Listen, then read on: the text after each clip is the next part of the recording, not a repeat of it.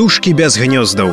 Успаміны ларысы геніюш абізь чытае зінаіда бандарэнка абізь непрацоўны інвалідны лагер. Але што мацнейшых паслалі адразу на сенажаць. Летом трава на поўначы расце дзень і ноч, яна нейкая вадзяная, высокая. На інцей нас вадзілі касіць сена. Круціла я тую касу ў руках, а пасля як размахнулася і пайшло. Мама мяне ўсяму навучыла. Яна казала, што добра ўсё ўмець, не ўсё рабіць. Як гэта мне ў жыцці прыдалося. Я не стагнала. Вось на такой сенажаці найгоршае машкарай камары. Як налезе машкары ўсюды, то мы проста танцуем дзікі танец з болю. Пазавязваем рукавы даўгія нагавіцы, а яны тнуць аж спухнем і ў вочы. У канвою ёсць накамарнікі. Ды ад камароў можна хоць дымам адратавацца ад машкары нічым. Бывало, у нас паяўляюцца салодкія мары, вось прывязаць бы тут да дзерава на ноч таго вусатага, калі яшчэ жыў і бачыць, як ён выкручваўся б ці надзорак разам з прасветавым і кір'янавым, ад такіх мараў нам лягчэла крыху. Вось Олю мароз з мілію і ўзялі на такую сенажаць, а мяне далі на кухню раздатчыцай. Дзве тысячы жанчын і столькі разоў махнуць толькі чарпаком тройчы ў дзень, а катлы валачыць, а мыць раздачу і таму падобнае. Затое даюць нам есці крыху рыбы, тамату, хлеба, супу. Што ж, работа чыстая, і я папраўляюся. Под белым халатам у мяне заўсёды прыгожая блюзачка з пражскіх рэчаў, хорша завязаная касынка. У лагеры адныя калекі жаль на іх паглядаць, альбо старушэнцы вельмі разумныя некаторыя. Усе тут яшчэ пад уражаннем ад начальніка ОЛПа нейкага петрусенкі. Ён тут быў цары Бог, адным словам тыран над бабамі. Старушкі качагарылі, усё вазілі на сябе і жудасна баяліся. Петрусенко быў зверам, ён нападаў на жанчын, саджаў іх у бур, на дварэ ім задзіраў спадніцы і шманаў. У кожным бараку сядзела одна такая бабка па чарзе дзень і ноч на вніманні. Это знача уваходзіць яго велічыства Петрусенко. І яна схопіцца і крычыць усім: вніманне! Бяда тым, хто прылёг ці не саскочыў у час. Бур забяспечаны. Настолькі быў страшны, што адна жанчына ўпала з верхніх нараў і моцна прыбілася, проста прысніўся ёй беднай Петрусенко. Людзі былі тут як не людзі, запалоханыя, прыбітыя, тварылася тут дзіўнае, Але нават такое выходзіць раненька адна масквічка з бараку, а быў вялік, дзе не бачыць па сцежцы за лагерам, кручыць канвоі, крэсціцца, крэсціцца, Гэта ўжо здзіва ў дзіва. Але адна смелая прыгажуня сапраўды красуня на рэдкасць абяцала бедным жанчынам выгнаць петрусенку і выгнала. Гэта была Лена, дачка знамянітага белага генерала Сямёнова і японкі. Прыгожая, як зара, мудрая, казалі, што па-расейску гаварыла як ніхто, нейкай асаблівай прыгожай мовай. Я яе не бачыла. Яна цяпер сядзела ў загароджаным корпусе псіхічна хворых і кажуць, што не сымулявала хваробы. Вось яна звярнулася да тырана, глянула, і ён згубіў голову і спакой. Гэта усім сказала.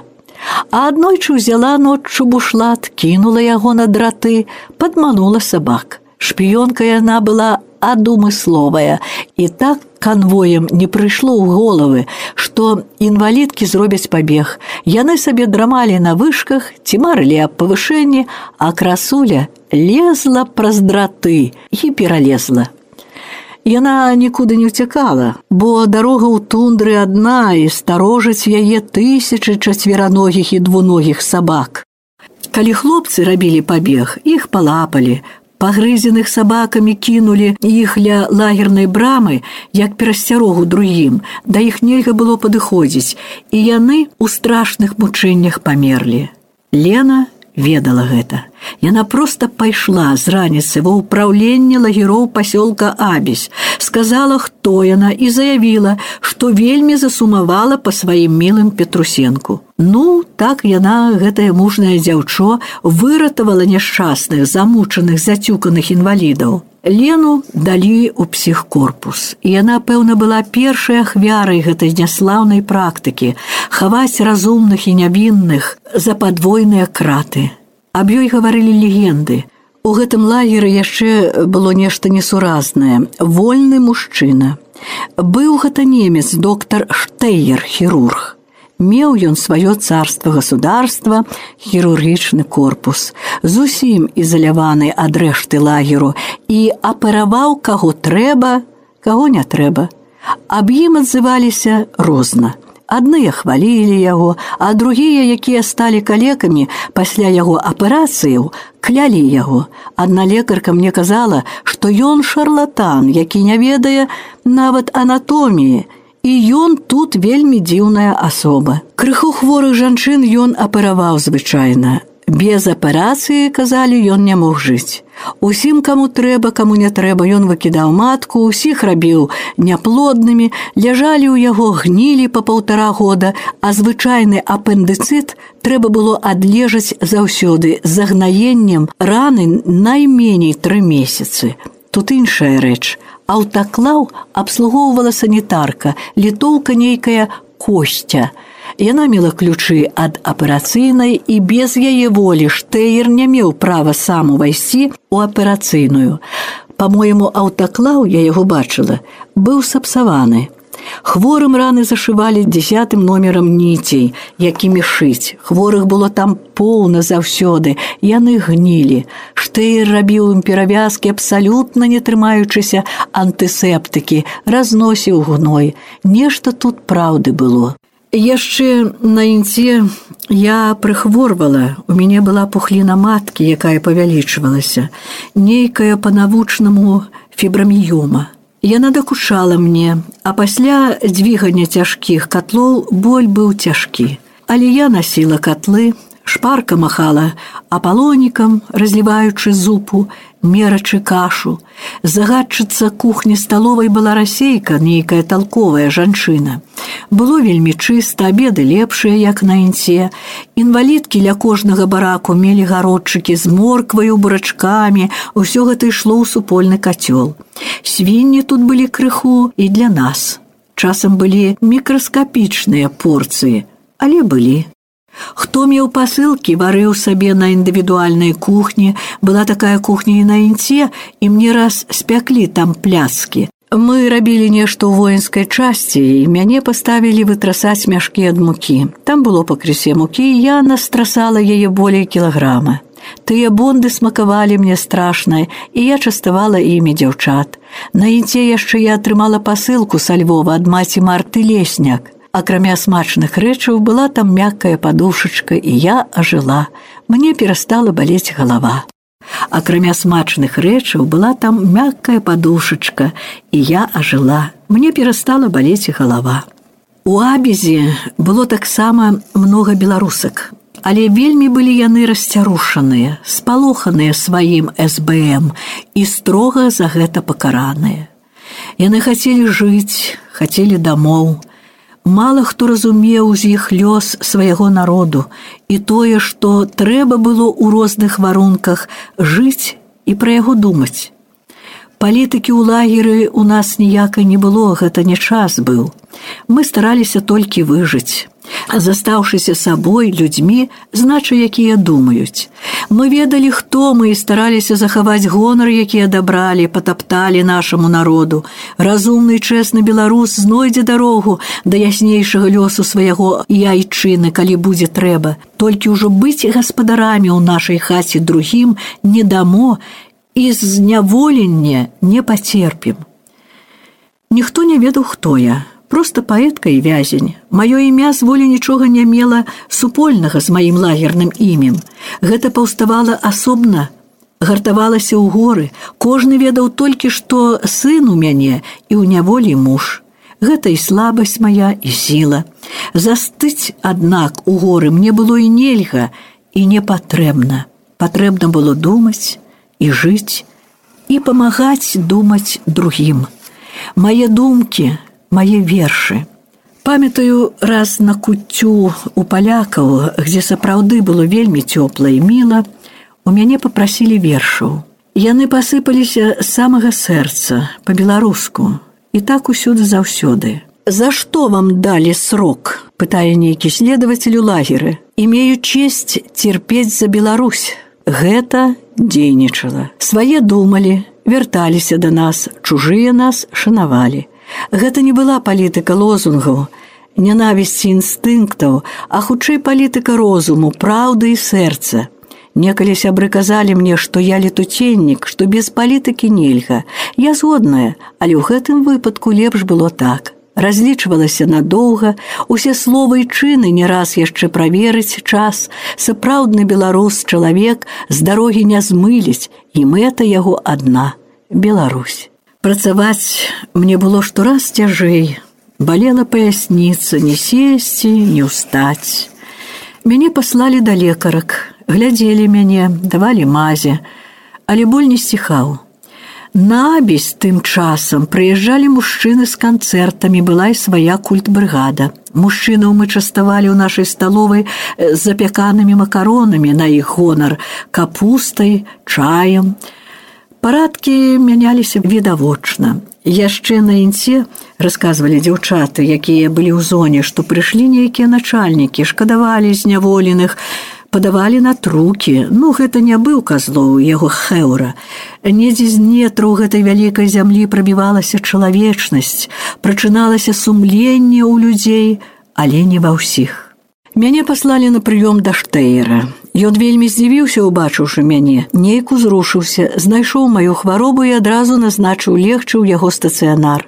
Пані луцкая украінка, з якою мы пасябравалі, крыху спалохалася, я не, і вось аперацыя.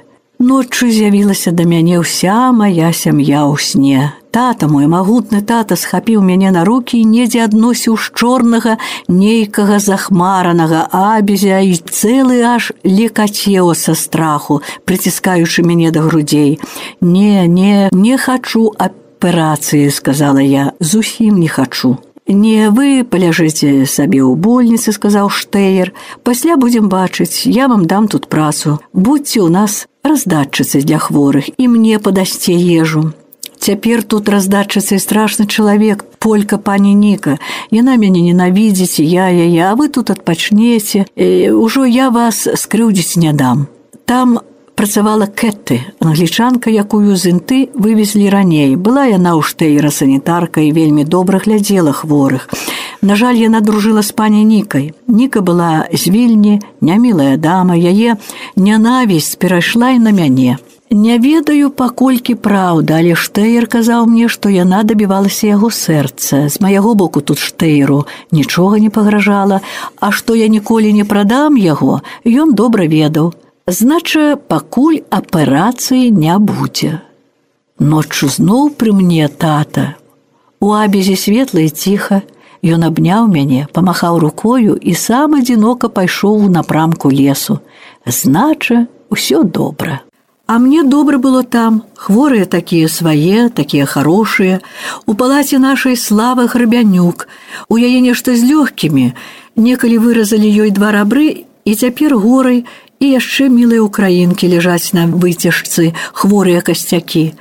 Гутарым смяемся. Са штэйрам працуе вольная злая сястра і надзвычай прыгожая мілая украінка Анечка. Злая косця спіць не з намі. Штэйр аднікі збавіўся, ад косці ўсё не можа. Штэйру даю тое, што ўсім, але прыгожа кладу гэта на талерку. Ён ненавідзець кашы і кажа, што калі вернецца ў Берлін, дык забароніць падаваць іх на стол, а ў тое, што ён вернецца, ён моцна верыць. Гаворым з ім шчыра, аб усім, У сваім пакоі ён вельмі любіць кветкі, грунаэкке, як кажа зялёны куточак, а кветак у абезе многа, паклонніца ўдзячных у штэйра яшчэ болей, ды кветкі ў вазонах заўсёды ёсць. Ніка недзе ў брыгадзе, А што там робіцца ў зоне, я нават не ведаю, хоць прыходзяць да мяне дзяўчаты, але ў нас свае беларускія справы. Маты Марта прыслала мне ў пасылцы кетгуту, паніцыліну і шчотачкі мыць хірургу рукі, бо мы ў вельмі сцёртымі, але аперацыю мы адкладаем. Вы мне не давяраеце, пытае Штэйр. Не, я не давяраю косці і гэтай вальняшцы, што з ёю шэпчацца і што вам асістуе на аперацыях. Я іх баюся і аперацыі баюся. Пра свой сон не кажу, гэта моя тайна, моя сіла. Даўно ўжо мне не было так зацішна ад начальства, так добра. Наш тэйра розна кажуць, што ён закахана ў маладое украінскае дзяўчо і таму падобнае. Гэта мяне не датычыць. І я сапраўды не бачу злога за ім. Ён чэсны, адданы хворым, разумны. Мне добра, Але цяжка Олі мароз. Вось бы ёй так адпачыць тут крыху са мною. Патрэбна якраз санітарка. Кажу яму ўсё як ёсць, што Оля штрафнік, як і я. Ён кажа, што яму 25 сроку, ён штрафнік паспрабуе яе ўзяць. Оля у нас. І мы пасмейваемся, Штэйр разумеецца на моцных людзях і рады, што ён памог. К этой пані Ніка пасінелі за злосці. Вольная сястра, як звер. Вось чапляецца да мяне. Я разліваю хворым малако, цяжка хворым. Крыху застаецца, даю яго слабенькай бабцы пры ёй. І вось яна даносіць на мяне, што раздаю малако каму не трэба. Што я дакажу, што мы нагул можам даказаць. Мяне выклікаюць, каб апераваць. Я вам не веру, кажу вольнай сястры. Калі так лжацё, дык можаце і забіць чалавека. Мяне выпісваюць з больніцы у брыгаду, забіраюць адразу і олю, а так хацелася, каб яна адпачыла. Я ў брыгадзе ходзім за зону на овощі хран, перабіраем бульбу, прымерзла. Тут даюць бульбу і для нас, а ў інце для нас сыпалі яе ў ру і прыкрывалі снегам. Варылі нам яе мерзлую, смярдзячую, нас пасылалі яе абіраць, і калі размярзалася, яна была як порхаўкі. Так сапсаваць свінні не елі. Ну, а мы яе елі. Пад весну яна гніла, чарнела, а мы ўсё ж яе елі. Тут нам варылі добрую, у засеку напісана, што бульба з Беларусі. Гарыць печачка, дзяўчаткі пякуць па бульбачцы. Кажу, як вам смакуе бульба з маей зямлі. Яны частуюць мяне, а канвой пытаецца скуль я. Я то не хачу з ім гаварыць, пытаецца зноў. Кажу, што з Беларусі. Ён усё болей болей пытаецца, аж дайшлі да Гудзевіч. Ён паправіў мяне, што фэст там на зельну, а на Пятра ў воўпе, знайшлі сваякоў яго ў нашым сяле, і ён сам з машталераў. Кажа, што такога блізкага чалавека яшчэ на поўначы не сустрэў і быццам перапрашаючы мяне гаворыць, што і роднага бацьку мусіў бы канваіраваць, каб яму загадалі. Паглядаю на яго жалем, але цешуся, што і ў ім яшчэ тлее іскра чалавечай беларускай народнай культуры і жаль і ўстыд яму, што сабакаю стаіць над сваімі. Яшчэ ў адной штрафной зоне пазней паклікаў мяне канваір да вышкі, сказаў, што гэтая малая зона нашая праверка, каго пусцяць, каго навечна засадзяць, што ён знае, хто я і хоча, каб я была хітрай. Гэта быў малады літовец. Калі мяне адвозілі ў абесь, Тое самае казала мне Марыя беларуская, она была блізка для начальства. Разіла хоць крыху пісаць, іначай загубіць. Але доўга мне не давялося там папрацаваць. Рана неяк прыслалі па мяне у КВЧ культурна-воспитательная часть.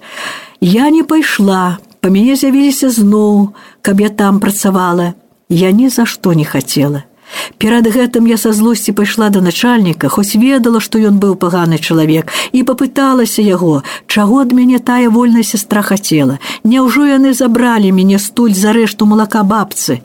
Што яны сабе думаюць і чаго хочуць? Я была грубай. Ён сказаў мне толькі, што тут тое малако ні пры чым. Другая справа. Но мне было ясна і толькі прыкра, што кэт ты стукала, што рабіла гэта пані Ніка не дзіва. Было жаль, Олі і штэйра. Вось і ўчапіліся да мяне, я мусіла ісці туды рабіць нейкія цацкі на ёлку ў пасёлак, рыхтаваць касцюмы для канцэртаў. Працавалі там ужо пані ядзя, старэнькая нейкая супрацоўніца пілсудскага, мілыя латышкі, украінкі. Было цікава, а доктар пераказваў, каб нейк непрыкметна забегла. Было важна. Ён вычытаў у газеце, што Аан нешта пастанавіла пазітыўнае для нас зняволеных тут чужынцаў і што нас, напэўна, пусцяць, Ён спадзяваўся. Другі раз ён мяне клікаў, бо рыхтаваўся этап, баяўся, каб мяне дзе не заперлі на канец свету. Радзіў ісці куды хоць санітаркай, бо з больніц не будуць браць. Я паслухала яго рады, Але мяне не ўзялі санітаркай, лепш сказалі сястрой гаспадыняй. Так я перайшла ў корпус. Этап ехаў у караганду. Адвозілі Олю мароз і шмат-шмат дарагіх дзяўчат. Ад мяне не адчапіліся тыя скавычэ. Я ім мусіла пісаць частушкі і іншыя рэчы. Хацелі вершаў, але мне было не да іх. Корпус быў велькі, Усе паехалі на этап, толькі засталіся хронікі у нашым корпусе. Усяго абслугі я і адна санітарка, а колькі людзей. Лекарка нейкая руская баптыстка, між іншым вельмі нам добра з ёю працавалася, але работы было. Адной вады навазіць колькі. Але калі мелася быць нейкая камісія, дык мае хворыя ажывалі, яны спаўзалі з нараю, памагалі мне, хто што мог, і тут было па-сямейнаму і вельмі чыста. Розныя нацыі, розныя людзі, класы, але адно гора, якое нас аб'яднала.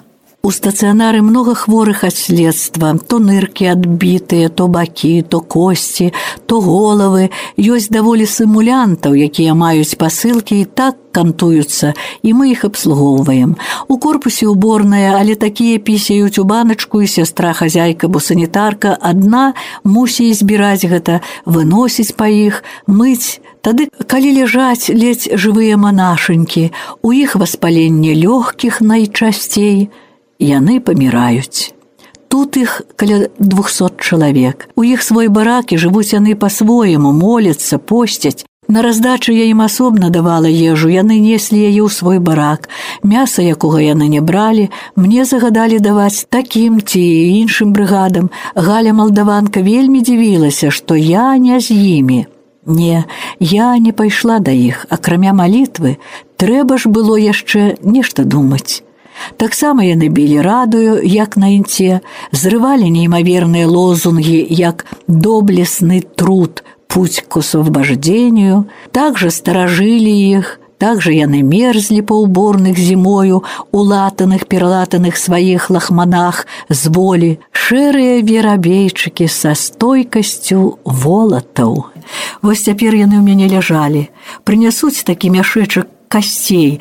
І яно ні за што не ляжа на казённае. Добра, што маты Марта прыслала падушачку і навалачкі, дык нацягну навалачку сваю і так падмануў крыху, каб толькі нейк улажыць.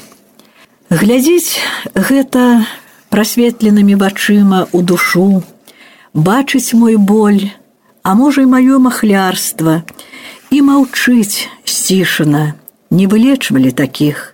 Яны як свечачкі гаслі ў мяне на руках. Прыходзілі манашанькі, маліліся над імі. Мы выносілі лёганькі трупік у скрынцы, які адсылалі на ўскрыццё, усё па-навучнаму. Яшчэ ляжала такая старэнькая ў штэера са мной у адной палаце быў яе рак кішок. Кроў давала адна літоўка, у якой былі добрыя пасылкі, але старушка на гэта не згадзілася, бо не хацела сваю праваслаўную кроў мяшаць з літоўскай.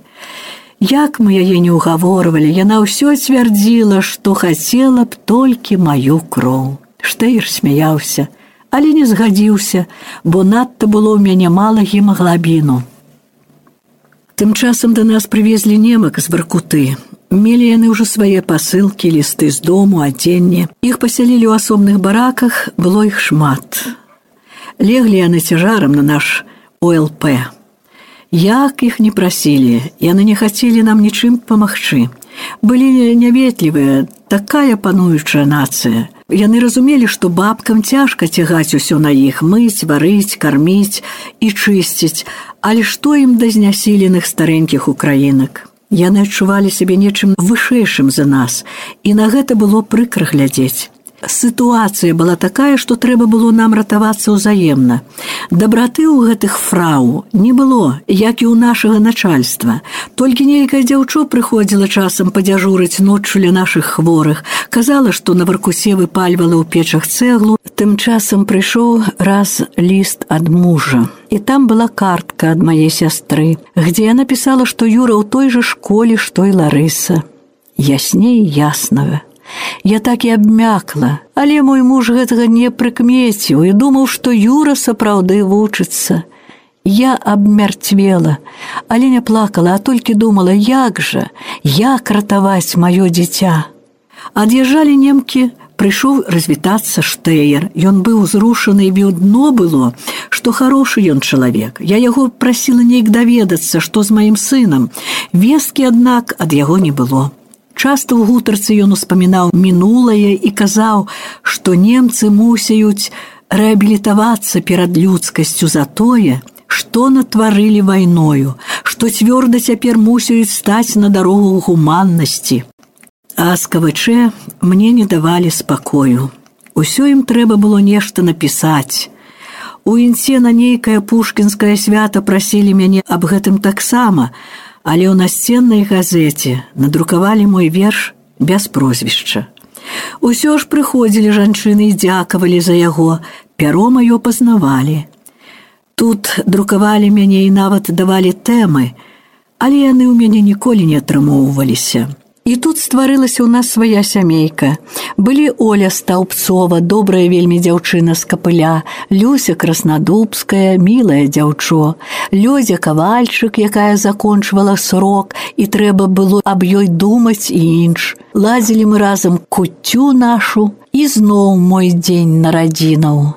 У мяне было з інты крыху грошай, хоць на цукеркі для іх. Лёдзю я завочна пазнаёміла з кастусём шышэем. Ён і ажаніўся з ёю. А пакуль да гэтага дайшло, яна працавала электрыкам у абізі, як вольная. Была маладзенькай, прыгожай, сядзела за арганізацыю чайка, пасадзілі малую ў 16 год.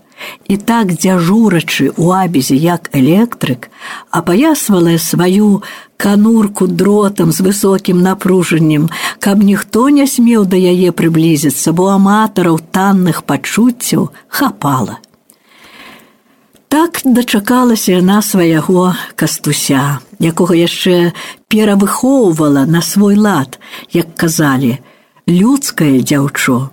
Наймілейшай была сустрэча і дружба там з матай Іосіфай Вітар, супрацоўніцай мітрапаліта Шаптыцкага, таксама, як і маты Марта і гуменняй. Была гэта такая цікавая жанчына, такая шматгранная ў сваіх зацікаўленняў, што мне стала лягчэй жыць. Іх прывезлі з нарыльску, гэта былі катаржанкі. Маты Іосіфа мела туберкулёз, У час следства яна сядзела тры месяцы па каленю ў вадзе. Яна, напэўна, ўжо сама аб сабе не пісала, а было што. Мой муж казаў, што такой прыгожай разумнай жанчыны ў жыцці не бачыў, не сустракаў. Але я тут крыху памылілася. Маты Іосіфу я сустрэла не ў абізе, а ў мардоўскай АССР. годам пазней тут былі іншыя сёстры украінкі, прачысты і дэйны народ. Аднойчы прысніліся мне зноў усе свае. Мама выцягнула па мяне руки, але да яе бегала чорная жарабя з тварыкам мае наймалодшай сястронкі Люсі, і Люсеньку мама прытуліла і забрала з сабою. Я атрымала праз маты марту ліста з Польшчы ад сястрыніны, дзе яна пісала аб смерці Люсі. 22 мая 52 года яе знайшлі нежывую са слядамі крыві, атручаную газам. Ніхто не ведае, як гэта сталася. Але кожны ведае, што гэта была збродня. Я мучылася, як жывёла, на гэты раз голасна не плакала, выношвала плян. Люся была прыгожай і здольнай, працавала. Нарадзілася яна, калі мы ўжо падрасталі, мне было 15 год. Мы крыху злаваліся, што у мамы малое дзіцятко, нейк устыдзіліся, тупыя, неразумнае стварэнне. А дзіцятко расло, былі вельмі пышныя хрысціны, з'ехаўся ў жлобаўцы ўвесь наш род. Было гэта на вялік дзень. Калі я прыехала на канікулы са школы, дык дзіцятка ляжала ціхенька, яно ніколі не плакала. Мама ўсё ў гаспадарчых справах, а дзіця глядзелі, як сабе хацелі служанкі. Раз нейк завалілі яе падушкамі, ледзь не задушылася малое. Я вельмі полюбіла тады яе.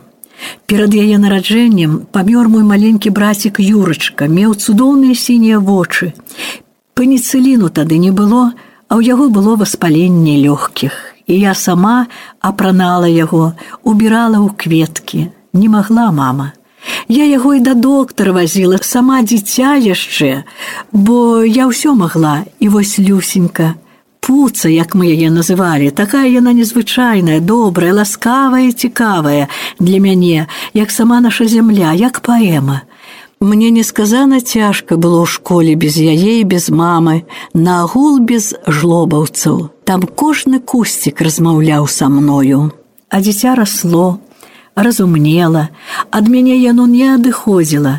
Паставілі новы дом, і нам з ёю далі асобны пакойчык, найстарэйшай і наймалодшай. Мы не разлучаліся. Я ўсё шыла для яе. Усё ёй маленькае аддавала, А калі ёй было шэсць гадоў, дык абняла яна мяне за шыю аднойчы і прашаптала: « Ларачка, а я буду цябе называць мамаю, толькі паціху, бо мамачцы балела б сэрца, каб гэта ведала. Але мама ведала гэта. Канаючы ў Казахстане, яна сказала аб гэтым люсенцы і аддала яе мне пад апеку. Я бачыла люсю на гары снежцы, што між Польшчай і чэхамі. Мы там сустрэліся як турысты, гаварыць не маглі. Мы яе хацелі забраць у чагаславатчыну. Гэта было ў 1947 годзе. Але другая сестраніна не дала мне яе, баялася, што палякі яе пасадзяць, а чэхі так хацелі мне памагчы. Яны дазволілі мне пасылку ў Польшчы, і я гэтых абарваных з высылкі няшчасных хораша аддзела Мае знаёмыя ў Польшчы далі ім кватэру, працу, дапамогу і вось нас арыштавалі, вывезлі ў лагеры на канец свету. Дурных сёстраў маіх спаілі, купілі, здаецца, тыя, якія спойваюць і купляюць дурных.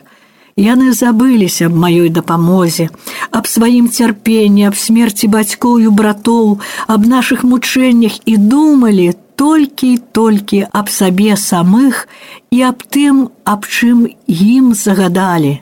Яны ведаюць, што было з люсею, заціраюць сляды, і вось маё дзіця ў вязніцы, моя сястронка ў зямлі, колькі ж можна і где мне падзецца з такім горам нечалавечым. Я і так ледзь перажыла смерць бацькоў і братоў, аб чым даведалася ў адзін дзень, а пасля разбілі, зняволілі нашу сям'ю, а цяпер яшчэ гэта, Божа мой, калі ж канец. А мяне зноў цягаюць. На гэты раз зноў нейкі яўрэй, нейкі важны начальнік відно. Угаворвае па-добраму напісаць памілванне ці жалабу, каб нарэшце пусцілі мяне. Сколько можно порядочным людям сидеть, крычыць мне, што пусціць нас у Чехаславакію ці сюды, толькі каб я напісала, Ён хоча ведаць, што ўгаварыў мяне. Не, не і яшчэ раз не. Я ні за што сядзела і няхай у мяне просяць, каб даравала. Плачу і уцякаю. Праз увесь лагер няма ў мяне просьбаў да іх. Мяне не мелі права судзіць, яны гэта ведаюць і няхай дадуць мяне туды скуль узялі. Што тут робіцца, чаго яны хочуць? Шкадаваць яны нікога не шкадуюць, гэта я ведаю. Яны хочуць мяне абмануць.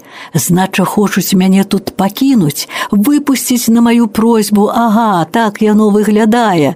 Трэба рабіць так, каб адвезлі ў Еўропу. Там сын, людзі болей чалавечыя, няма комі.